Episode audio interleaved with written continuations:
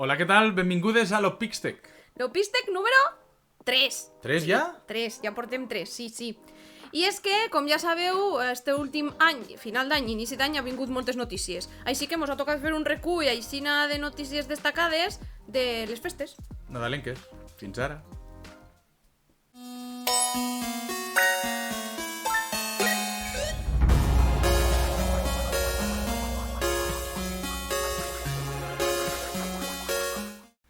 Bé, comencem en Waze, o Waze, com li vulgueu dir. És l'aplicació de GPS per excel·lència per a aquells que no són tan fidels al Google Maps o al Petal de Huawei. En aquest cas, eh, Wave ens ajuda ja a trobar vale, les estacions de càrrega per a vehicles elèctrics. Oh. Google Maps ja porta des del 2019, més o menys, vale? Pues en aquest cas, eh, Waze s'ha associat amb Volkswagen vale? per tal de mapejar totes les estacions de càrrega dels Estats Units. Òbviament, a poc a poc, i les seues intencions sempre són anar avançant i anar expandint-se per la resta de països. Es pot utilitzar el programari per afegir les parades a les estacions a mesura que vas fent la teua ruta i el que queda clar és que encara, tot i que sabrem que s'extendrà, no sabem quan. Haurem d'esperar?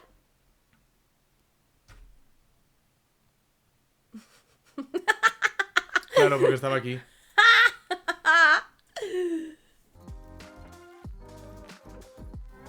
Atenció, perquè comença el desenvolupament del remake de Splinter Cell.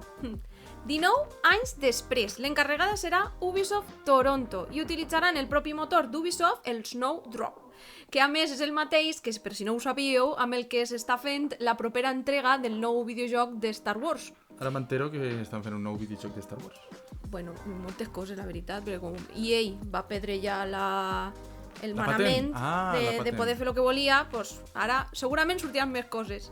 Segons l'entrevista un dels desenvolupadors del projecte, concretament el productor Matt West, que no m'equivoque, el fet de ser un remake i no considerar-lo una remasterització com s'havia comentat en les diferents comunitats i espais, recau en crear des de zero el joc, hm? amb actualitzacions tant visuals, de disseny, adaptat a la nova generació de consoles i amb nous gràfics, sense tocar, evidentment, l'essència dels jocs originals com l'estil lineal i no convertir-lo en un monovert. Continuem? El projecte Black Mesa. M'encanta, perquè a més es comença a consolidar i a fixar la seva mirada cap al futur amb noves expansions. L'any 2015 va veure la llum el projecte d'un grup d'aficionats, de fans del primer videojoc de Valve de 1998, el Half-Life Black Mesa. Te sona? Sí.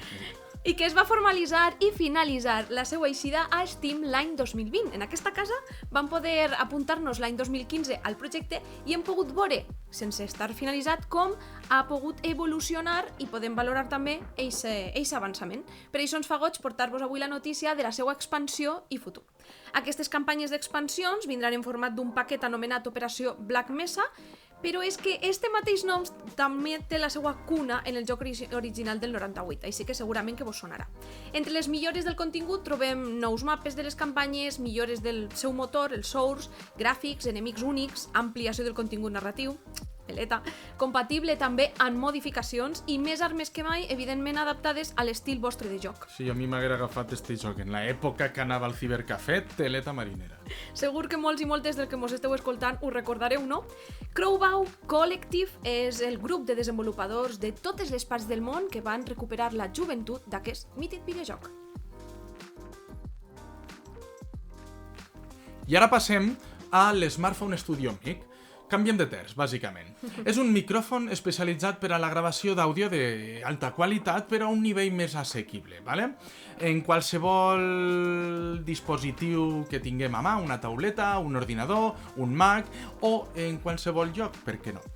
Bueno, no sempre és factible portar l'ordinador amunt i avall, tampoc és factible portar la targeta d'àudio, ni els cables, la montonada de micròfons que s'han d'utilitzar. Doncs bueno, és un micròfon destinat, és un widget destinat per a eh, gent que produeix contingut, vale? gent novell, eh, d'una manera més bàsica. És, té una configuració molt senzilla, molt fàcil d'utilitzar, no renuncies mai a la quantitat, ni a la qualitat, ni a la comoditat, vale? Eh, no requereix una interfície d'àudio ni ordinador així super mega ultra potent Això és i important. sobretot es connecta molt fàcilment mitjançant un port USB tipus C, ¿vale? No se requereixen controladors ni programari alternatiu a no ser que sigui l'únic i exclusiu que pugues utilitzar per tal de fer la gravació, i funciona amb iOS, Android, tauletes, Windows, Mac, smartphones, com vosaltres necessiteu.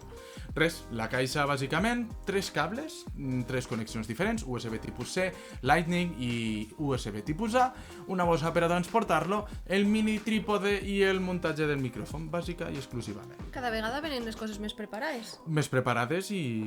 I per a totes. Per a tot el món, clar que sí. Atenció perquè Skynet encara continua per darrere nostre. Però parlem de les pel·lis o què parlem aquí? Pues en aquesta ocasió parlem de videojocs Ah. basades en les pel·lis, evidentment. Oh. La tornada de Terminator, nova entrega de la saga amb Terminator Dark Fate Defiance. Des del 2019 que no teníem notícies de la saga Terminator en quant als videojocs. L'últim va ser Terminator Resistance, no sé si us recordareu, em, quasi començant la pandèmia, que, ha, que això sí ha estat rebent contingut nou i actualitzacions. Per tant, no tenim videojocs nous, però sí contingut. Teaser i gameplay de Terminator Dark Fate Defiance que hem pogut veure des de la pàgina de IGN, però sí que és cert que Catch Who Play també ho va publicar. Estratègia en temps real, campanya d'un sol jugador jugadora i opcions de multijugador i escaramusa. Com he comentat, està desenvolupat per Catch Who Play, que el reconeixereu també o haureu sentit parlar d'aquesta companyia per Fairy Tail 3 Heroes, entre altres. Bueno, tornem a canviar de terç. Ens n'anem a les actualitzacions de la famosa aplicació Telegram. Tres. Tres actualitzacions... Actualitats... Tres actualitzacions curioses, vale? És la dotzena d'aquest any, bàsicament. Primera i principal, la que més mos ha agradat, la que més considerem que, bueno, pot tindre alguna repercussió a nivell d'usuari, la traducció de missatges. Finalment arriba la traducció de missatges, dels missatges internament dintre del xat de eh, el Telegram, vale? Interessant. Actualment, més de 500 milions de persones xategen, consulten canals per a informar-se, vale? doncs podreu traduir qualsevol missatge en qualsevol idioma, o almenys en els que estan disponibles ara per ara, i directament des de l'aplicació. val? Simplement per haver d'activar aquesta funció heu d'anar als ajustaments a la idioma i ja veureu que només podeu, heu de seguir les passes donant-li a un botonet. Segona actualització, spoilers. Doncs resulta, sí, que ara pots evitar els spoilers. Ara ja no fa falta que et menges doncs, el que està passant a la roda del temps, el que està passant a The Witcher, O posar un bot. o posar un bot, ¿vale? Simplement has d'agafar i a mesura que estàs escrivint el missatge selecciones el text i podràs eh, optar per l'opció, valga la redundància, de spoiler. D'aquesta manera, aquelles persones que estiguen llegint dintre del canal o dintre del chat no hauran de menjar-se la informació que pugui ser una miqueta més delicada. Gràcies. Vale? Eh, seleccioneu qualsevol part del text, com vos he explicat, i escrivint trieu el format spoiler i ja està. Tercera opció, tercera actualització rellevant que mos ha paregut graciosa, doncs són les reaccions. Toques dues vegades el missatge per a la reacció ràpida. En el cas de iOS, vale, mantens pulsat el missatge. Pots canviar l'emoji per defecte als ajustaments de Telegram i sobretot sempre vale, activades en els xats privats. Els grups i els canals eh, són els administradors, vale, els que poden modificar, activar o desactivar eh, aquestes opcions. Al final, les missatgeries instantànies acaben sent també una mini xarxa social. Mm, avui en dia, i sobretot Telegram, amb la seva gran quantitat d'opcions, sí, per suposat. I ara mos passem a premis, perquè anem a parlar dels guanyadors i guanyadores de la setena edició dels Premis PlayStation, així a Espanya, en seu a Espanya. Eh, a la primera gala es va desenvolupar al 2013. Amb quin objectiu? Pues PlayStation Talents és una iniciativa de Sony per donar suport al desenvolupament de la indústria dels videojocs, en aquest cas a Espanya, a nivell professional i potencial, ja que busquen i la fan recerca del talent de les persones, donant suport, ajuda i visibilitat. Aquesta setena gala de Premis PlayStation Talents es va celebrar el 22 de desembre a les 8 i mitja, amb 13 videojocs nominats i 7 categories. Rollo la loteria de Nadal, Quasi, quasi, perquè a més era el mateix dia. per això. Però sí, la loteria li va tocar com a millor joc de l'any a Ugly, un psicodèlic compte de fades. Com a més innovador tenim Hall of Fame de Broken Frame, millor narrativa, i Kai de End Flame, millor videojoc per a la premsa, Ugly, perdoneu la pronunciació, A- Ugly, ugly. Ugly, Millor Art, Forgotten Fragments de Binary Phoenix, Premi PlayStation Special Dreams a The Lost Essence de An Otter Studio i Premi Especial Compromís PlayStation a Forzen Out de Fideuà Games. Ah, no serà valenciana aquesta. Ho deixarem tot als comentaris perquè poguéssiu accedir a ells. Molt bé, Samsung. Passem a Samsung. Fa temps que Samsung desenvolupa els seus xips. Doncs bueno, el nou xip de Samsung, l'Exynos 2200, arriba l'11 de gener. Així com que tenim Mediatek, tenim Qualcomm, Snapdragon, Samsung ja fa temps que desenvolupa els seus propis processadors vale, per a dispositius mòbils. Doncs pareix que entra directament a la batalla d'una manera prou més afiançada amb una GPU, vale, amb una gràfica eh, RDNA 2 de AMD. Ok? El potencial gràfic se pot equiparar bàsicament al que seria un Apple Bionic a una GPU Adreno de, dels, com hem comentat, de Qualcomm Snapdragon i porta casualment, la mateixa, o intencionadament, arquitectura que les targetes gràfiques de la PlayStation 5 o la Xbox Series X. déu nhi Òbviament, les diferències eh, són eh, que es produeixen sobre este processador és per adaptar-les a la telefonia mòbil, ¿vale? Doncs bé, eh, també es comenta, també hem pogut obtenir la informació que serà oficial eh, aquest tipus de processador eh, amb els primers telèfons Samsung Galaxy S22, la nova generació de Samsung. Estarem a l'espera. I ara mos passem amb un esdeveniment de videojocs. Sí, ja sabeu que últimament en els esdeveniments de videojocs aporta de tot, cultura i tecnologia. I aquest és el cas de Gamergy, que torna a triomfar amb noves i interessants propostes. Enguany, el que han fet... Enguany, parlo d'enguany perquè encara no estic acostumada que estem al 2022. 21, 22, ¿vale? 21, 22, no passa res. a l'any 2021 van fer una mena de híbrid eh, a un dels majors encontres gamer, com he comentat abans. Com? Online, virtual i presencial. Sí. Aquesta duodècima edició es va celebrar del 17 al 19 de desembre del 2021 a IFEM a Madrid i va arribar vora, o quasi quasi, als 60.000 assistents, sense comptar tota la gent que es va connectar via stream déu nhi una barbaritat.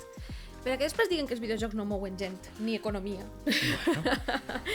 Què vam trobar? Pues tro vam trobar competicions de Riot Games, parlem de Valorant i Ti- Teamfight Tactics, eh, tornejos, tas de videojocs indie, premis també de videojocs indie, videojocs educatius, van haver-hi diferents instituts eh, presentant projectes. Ah, però eh, eh, els videojocs es poden aplicar a l'educació? Clar que sí, home! Vaja. És que la gent encara no sap el que és la gamificació. Ni sap per a què serveixen els videojocs més enllà de lo que pensen que existeixen. Però bueno, reconduint, també vos comentem que van haver-hi entrevistes, ponències, tas de, peri de perifèrics gamer i molta, molta tecnologia. Però és que a més, concerts, exhibicions, retro gaming i moltíssimes coses més. Estarem esperant en Candaleta aquest 2022. Bàsicament una festa. I tornem amb Samsung. En aquest cas, en el CES 2022, Samsung ha presentat la seva Gaming Hub, una plataforma que s'integrarà en pràcticament tots els models de televisió intel·ligent. Portarà afegides, a més, tres plataformes molt rellevants en el món del videojoc com són GeForce Now d'NVIDIA, el Stadia i Utomic, on podreu comprar i trobar la gran majoria de videojocs que hi ha disponibles en el panorama actual. A través de Tizen, el seu sistema operatiu propi, podreu buscar i comprar jocs dins d'aquest ecosistema. Contem que arriba a l'estat al tercer trimestre de 2022. Mare meua, m'embafaré de tantes plataformes i No te les tot. acabaràs. Mare meua. I ara passem amb una compra, i és que Tencent compra Turtle Rock Studios. La companyia Turtle Rock Studios passen a ser propietat del gegant xinès, xinès Tencent. Si no el coneixeu, ha estat implicat en Gears of War 4, League of Legends, entre altres, però una cosa molt curiosa és que té percentatges de compra, de, de propietat i de participació en Activision Blizzard, Epic Games, Ubisoft, Bluehole, en una barbaritat. I vos hem fet un mini tastet. Déu-n'hi-do. Així que ja sabeu d'on entra la pasta en este gegant. Els creadors de Back 4 Blood i Left 4 Dead mantindran, però, la seva autonomia. La família de Tencent continua creixent exponencialment i amb això també creix els futurs projectes de la companyia i també el seu contingut, ja que aquesta compra suma l'experiència de Turtle Rock amb els cooperatius en línia. Tot i que no afectarà el, Blowfall, el Back 4 Blood, perdoneu, ja que porta el segell de Warner Bros. Games. I després d'este mini impàs, disculpeu, eh, per la seva banda, Turtle Rock podrà aprofitar així els recursos i l'experiència de Tencent per a poder desenvolupar també els seus propis projectes dins de Tencent. Què penseu que vindrà d'aquesta unió? Diners. El resum Com sempre. sempre. són diners, és a dir, mm, no n'hi ha més. A no ser que decideixen comprar algun estudi concret i invertir per desenvolupar Però videojocs. de moment estem davant un, un panorama de compro, compro, compro i genere, genere, genere. És la pela. Motorola MAU. Instal·la Android Auto de manera senzilla al teu cotxe. La potència del teu telèfon bàsicament es pot veure reflectida en la pantalleta habitual que solem tenir en el cotxe. Android Auto és una manera més senzilla i segura vale, d'utilitzar el telèfon en el teu cotxe. Tingueu-lo molt en compte. Recordeu, per suposat, que no heu d'utilitzar el telèfon mentre conduïu, per favor. Bueno, Coneixement. el MAU proporciona una connexió sense fil al sistema d'infoentreteniment del teu propi cotxe. Recordeu, és molt important que cal tenir, au- cal tenir Android Auto instal·lat al vehicle. No tots els vehicles són compatibles ara per ara. Bueno, bàsicament facilita encara més l'accés a aquestes aplicacions que vos fan falta mentre esteu conduint, siga un GPS, siga ficant música... És com que ve a ser la integració o una miqueta l'adaptació de Motorola pel que respecta al Google, eh, OK Google, millor dit, o el Alexa dintre del vostre propi cotxe. Vale? S'integra, es pot personalitzar d'una manera més afí a vosaltres i conté que estarà disponible només per ara als Estats Units a partir del 30 de gener. Més notícies més endavant. Seguirem la pista. Bueno, i ara una notícia que per a mi és important. M'encanta. És una... I no com a fan de DC. Bueno, és, una, és que és com, com empoderar la dona dintre dels Això sí. videojocs, penso jo. Eh? No? Totalment. Wonder Woman en solitari, nou videojoc de DC. Els de Game Awards 2021 ens van portar moltes notícies, però una d'elles va ser un petit en format teaser d'una notícia molt suculenta. I és que Wonder Woman tindrà confirmat un videojoc. La data, com sempre, pues, Suculenta o sucosa? Sucosa. Però això és de suquet. Suque de xitxa, Mm, de... I suculent és més... Mm, Xitxa, llimonada, de tot. Mm. Monolith Productions, que el recordareu també de la Tierra Media Sombras de Guerra, El és- senyor dels anells? Eh, vamos, sí, a los entendidos. eh, està treballant en aquesta nova aventura protagonitzada per la nostra Diana de Temiscira. Ja l'havíem vist en altres videojocs, com la Liga de la Justícia i etc. Però en aquesta ocasió serà ella només. Un joc d'acció, aventura i, com he dit abans, no s'ha confirmat la data, però sí una aproximació de sortida de dos anys. És a dir, imagineu com porta, com va la evolució vale? i la programació del videojoc. déu nhi Spotify adquireix Busca. Mare meua. I ho pronuncio així perquè té dos as al final i perquè no tinc ni idea de pronunciar mm, idiomes similars d'Europa de l'Est. Ho disculpeu-me, ho sento molt. Bueno, és una companyia de tecnologia de podcast. Segueix, segueix amb la tònica Spotify d'anar xuclant, d'anar comprant, d'anar quedant-se i apoderant-se totes aquelles empreses de nivell de digital i d'àudio eh, o d'àudio digital eh, que li puguen treure molt profit. Busca ofereix als creadors, editors, emissores i marques independents una plataforma que sol ser rendible vale, de- de- d'extrem a extrem. Allotja, distribueix, eh, monetitza i fa un seguiment de l'àudio eh, sota demanda. Que bé, perquè abans tenien l'Ancor, que l'únic que feia era hostejar el podcast. Molt bé, i també van comprar el Megafon, que també era un servei de hosteja, host, hosting de podcast, és que les pronunciacions teleta. Avui estem...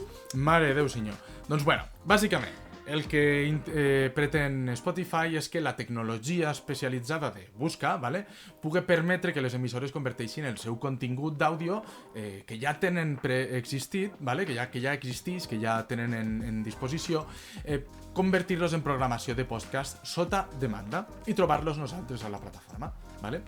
La capacitat de transferència de, de busca bàsicament permetrà que, òbviament, més contingut de tercers, d'altres creadors de contingut digital i d'àudio, doncs estigui disponible dintre de la plataforma. El 2022 per a PlayStation. Tornem a parlar de videojocs perquè anem a parlar del primer trimestre de lo més esperat. Mm? És que després de l'embafada, no només de menjar per als, aquests Nadals, no? també hem tingut embafada de notícies i videojocs del 2021, com hem dit al principi. Però és que encara tenim més puesto pa més, eh? Però puesto pa parlar del que s'està coent i en posició de sortida per a l'any 2022 en quant a la consola de PlayStation. El que vos destaquem d'aquest primer parell de mesos, trimestre més o menys, és en marca de la casa. I són la col·lecció d'Uncharted, el Llegat dels lladres. Oh. Ve en format eh, col pack, no? I remasteritzat, amb les seues remasteritzacions, perdó. Així que estarem esperant en candeleta. Deep Rock Galactic, que és un shooter coopera- cooperatiu i d'exploració.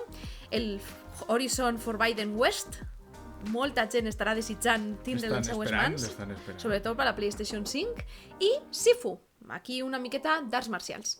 Destaquem també el començament de sortida de jocs de PlayStation 4 i PlayStation 5 per a PC. Sí, PlayStation i PC. París que no estan roïnt ampliant l'ecosistema propi, no? No, faltaria més. És que eh, ja, ja trigaven. De fet, ja trigaven. Sense ànim d'ofendre a ningú, el PC avui és un, és un dels sistemes que més s'utilitza per a jugar Per excel·lència, i ha d'estar 100%. Tal és la qual. nostra opinió. Molt bé. Continuem. Retrocompatibilitats. I en aquest cas, on anem? A Xbox. Però en relació amb PlayStation. Perquè parlem de quan la recompatibilitat retrocompatibilitat, avui estem amb les paraules fantàstic, es converteix en col·leccionisme i parlem de Ridge Racer 6. Vos portem una anàlisi de vida extra que podreu trobar a la informació d'aquest vídeo sobre l'última entrega de la saga, que va néixer en PlayStation, com vos comentàvem, i va acabar essent un exclusiu de Xbox 360, a l'any 2005, eh? Ah, compte que Xbox no tenia exclusius, eh? en el seu debut en una consola de Microsoft. Gràcies a la retrocompatibilitat d'Xbox podem gaudir a dies d'ara de grans entregues, sagues i videojocs mítics que han marcat l'infància de moltes i molts gamers. Sobretot en aquella època.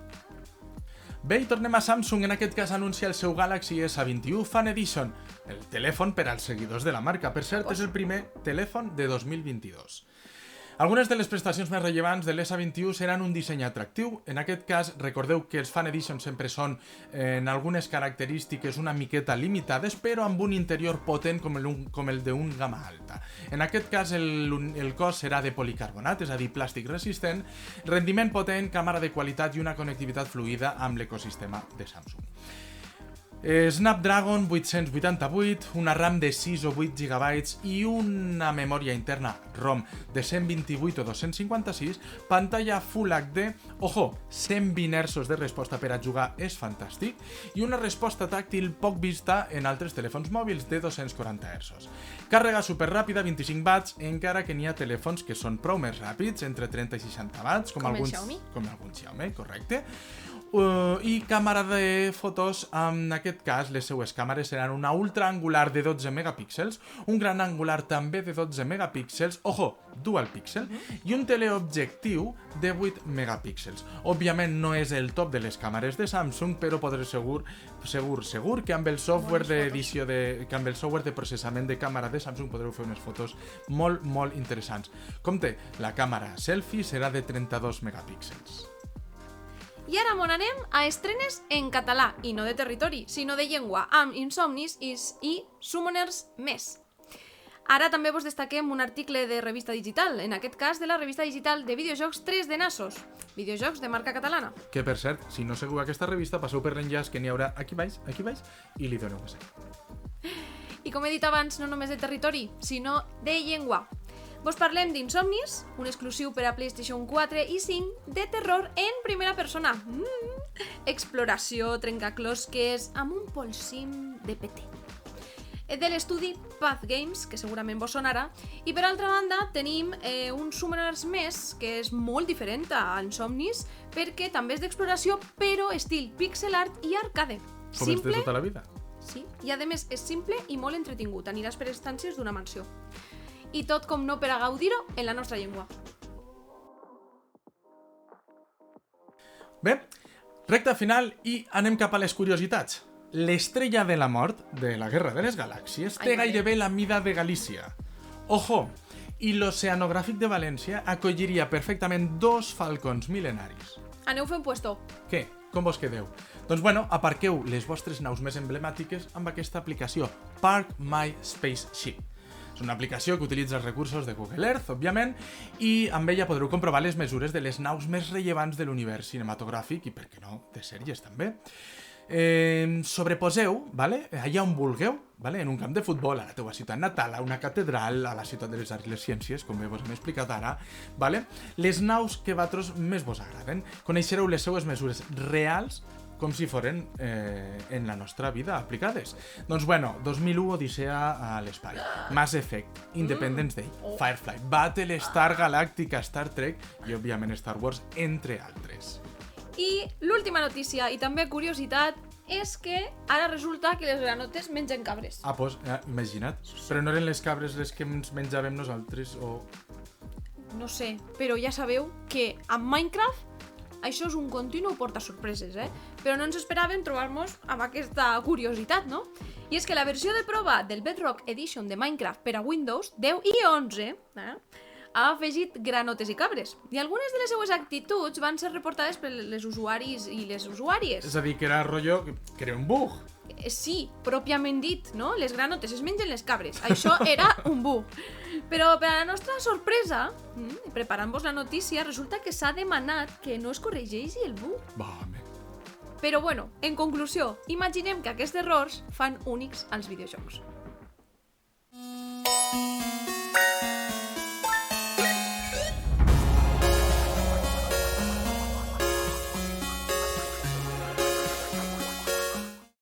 Molt bé, i fins aquí l'Opixfec d'avui. Ens veiem al proper programa. I no vos oblideu, primer, de subscriure-vos al canal. Segon, de donar-li un bon m'agrada. O no, bé, si no vos ha agradat també. I fer car el vostre comentari, que ja sabem que vos agraden els programes i mos aneu deixant algun comentari per ahí, eh? Ah, benvingut siga i ens motiva moltíssim. I no oblideu també que mos hem obert un perfil a Twitter per a poder seleccionar les, les notícies millor i per a seguir a les comunitats i, i perfils de tecnologia i videojocs I per a que estigueu al tanto. de nosaltres. Vale? Hola, què tal? Benvingudes a l'Opixtec.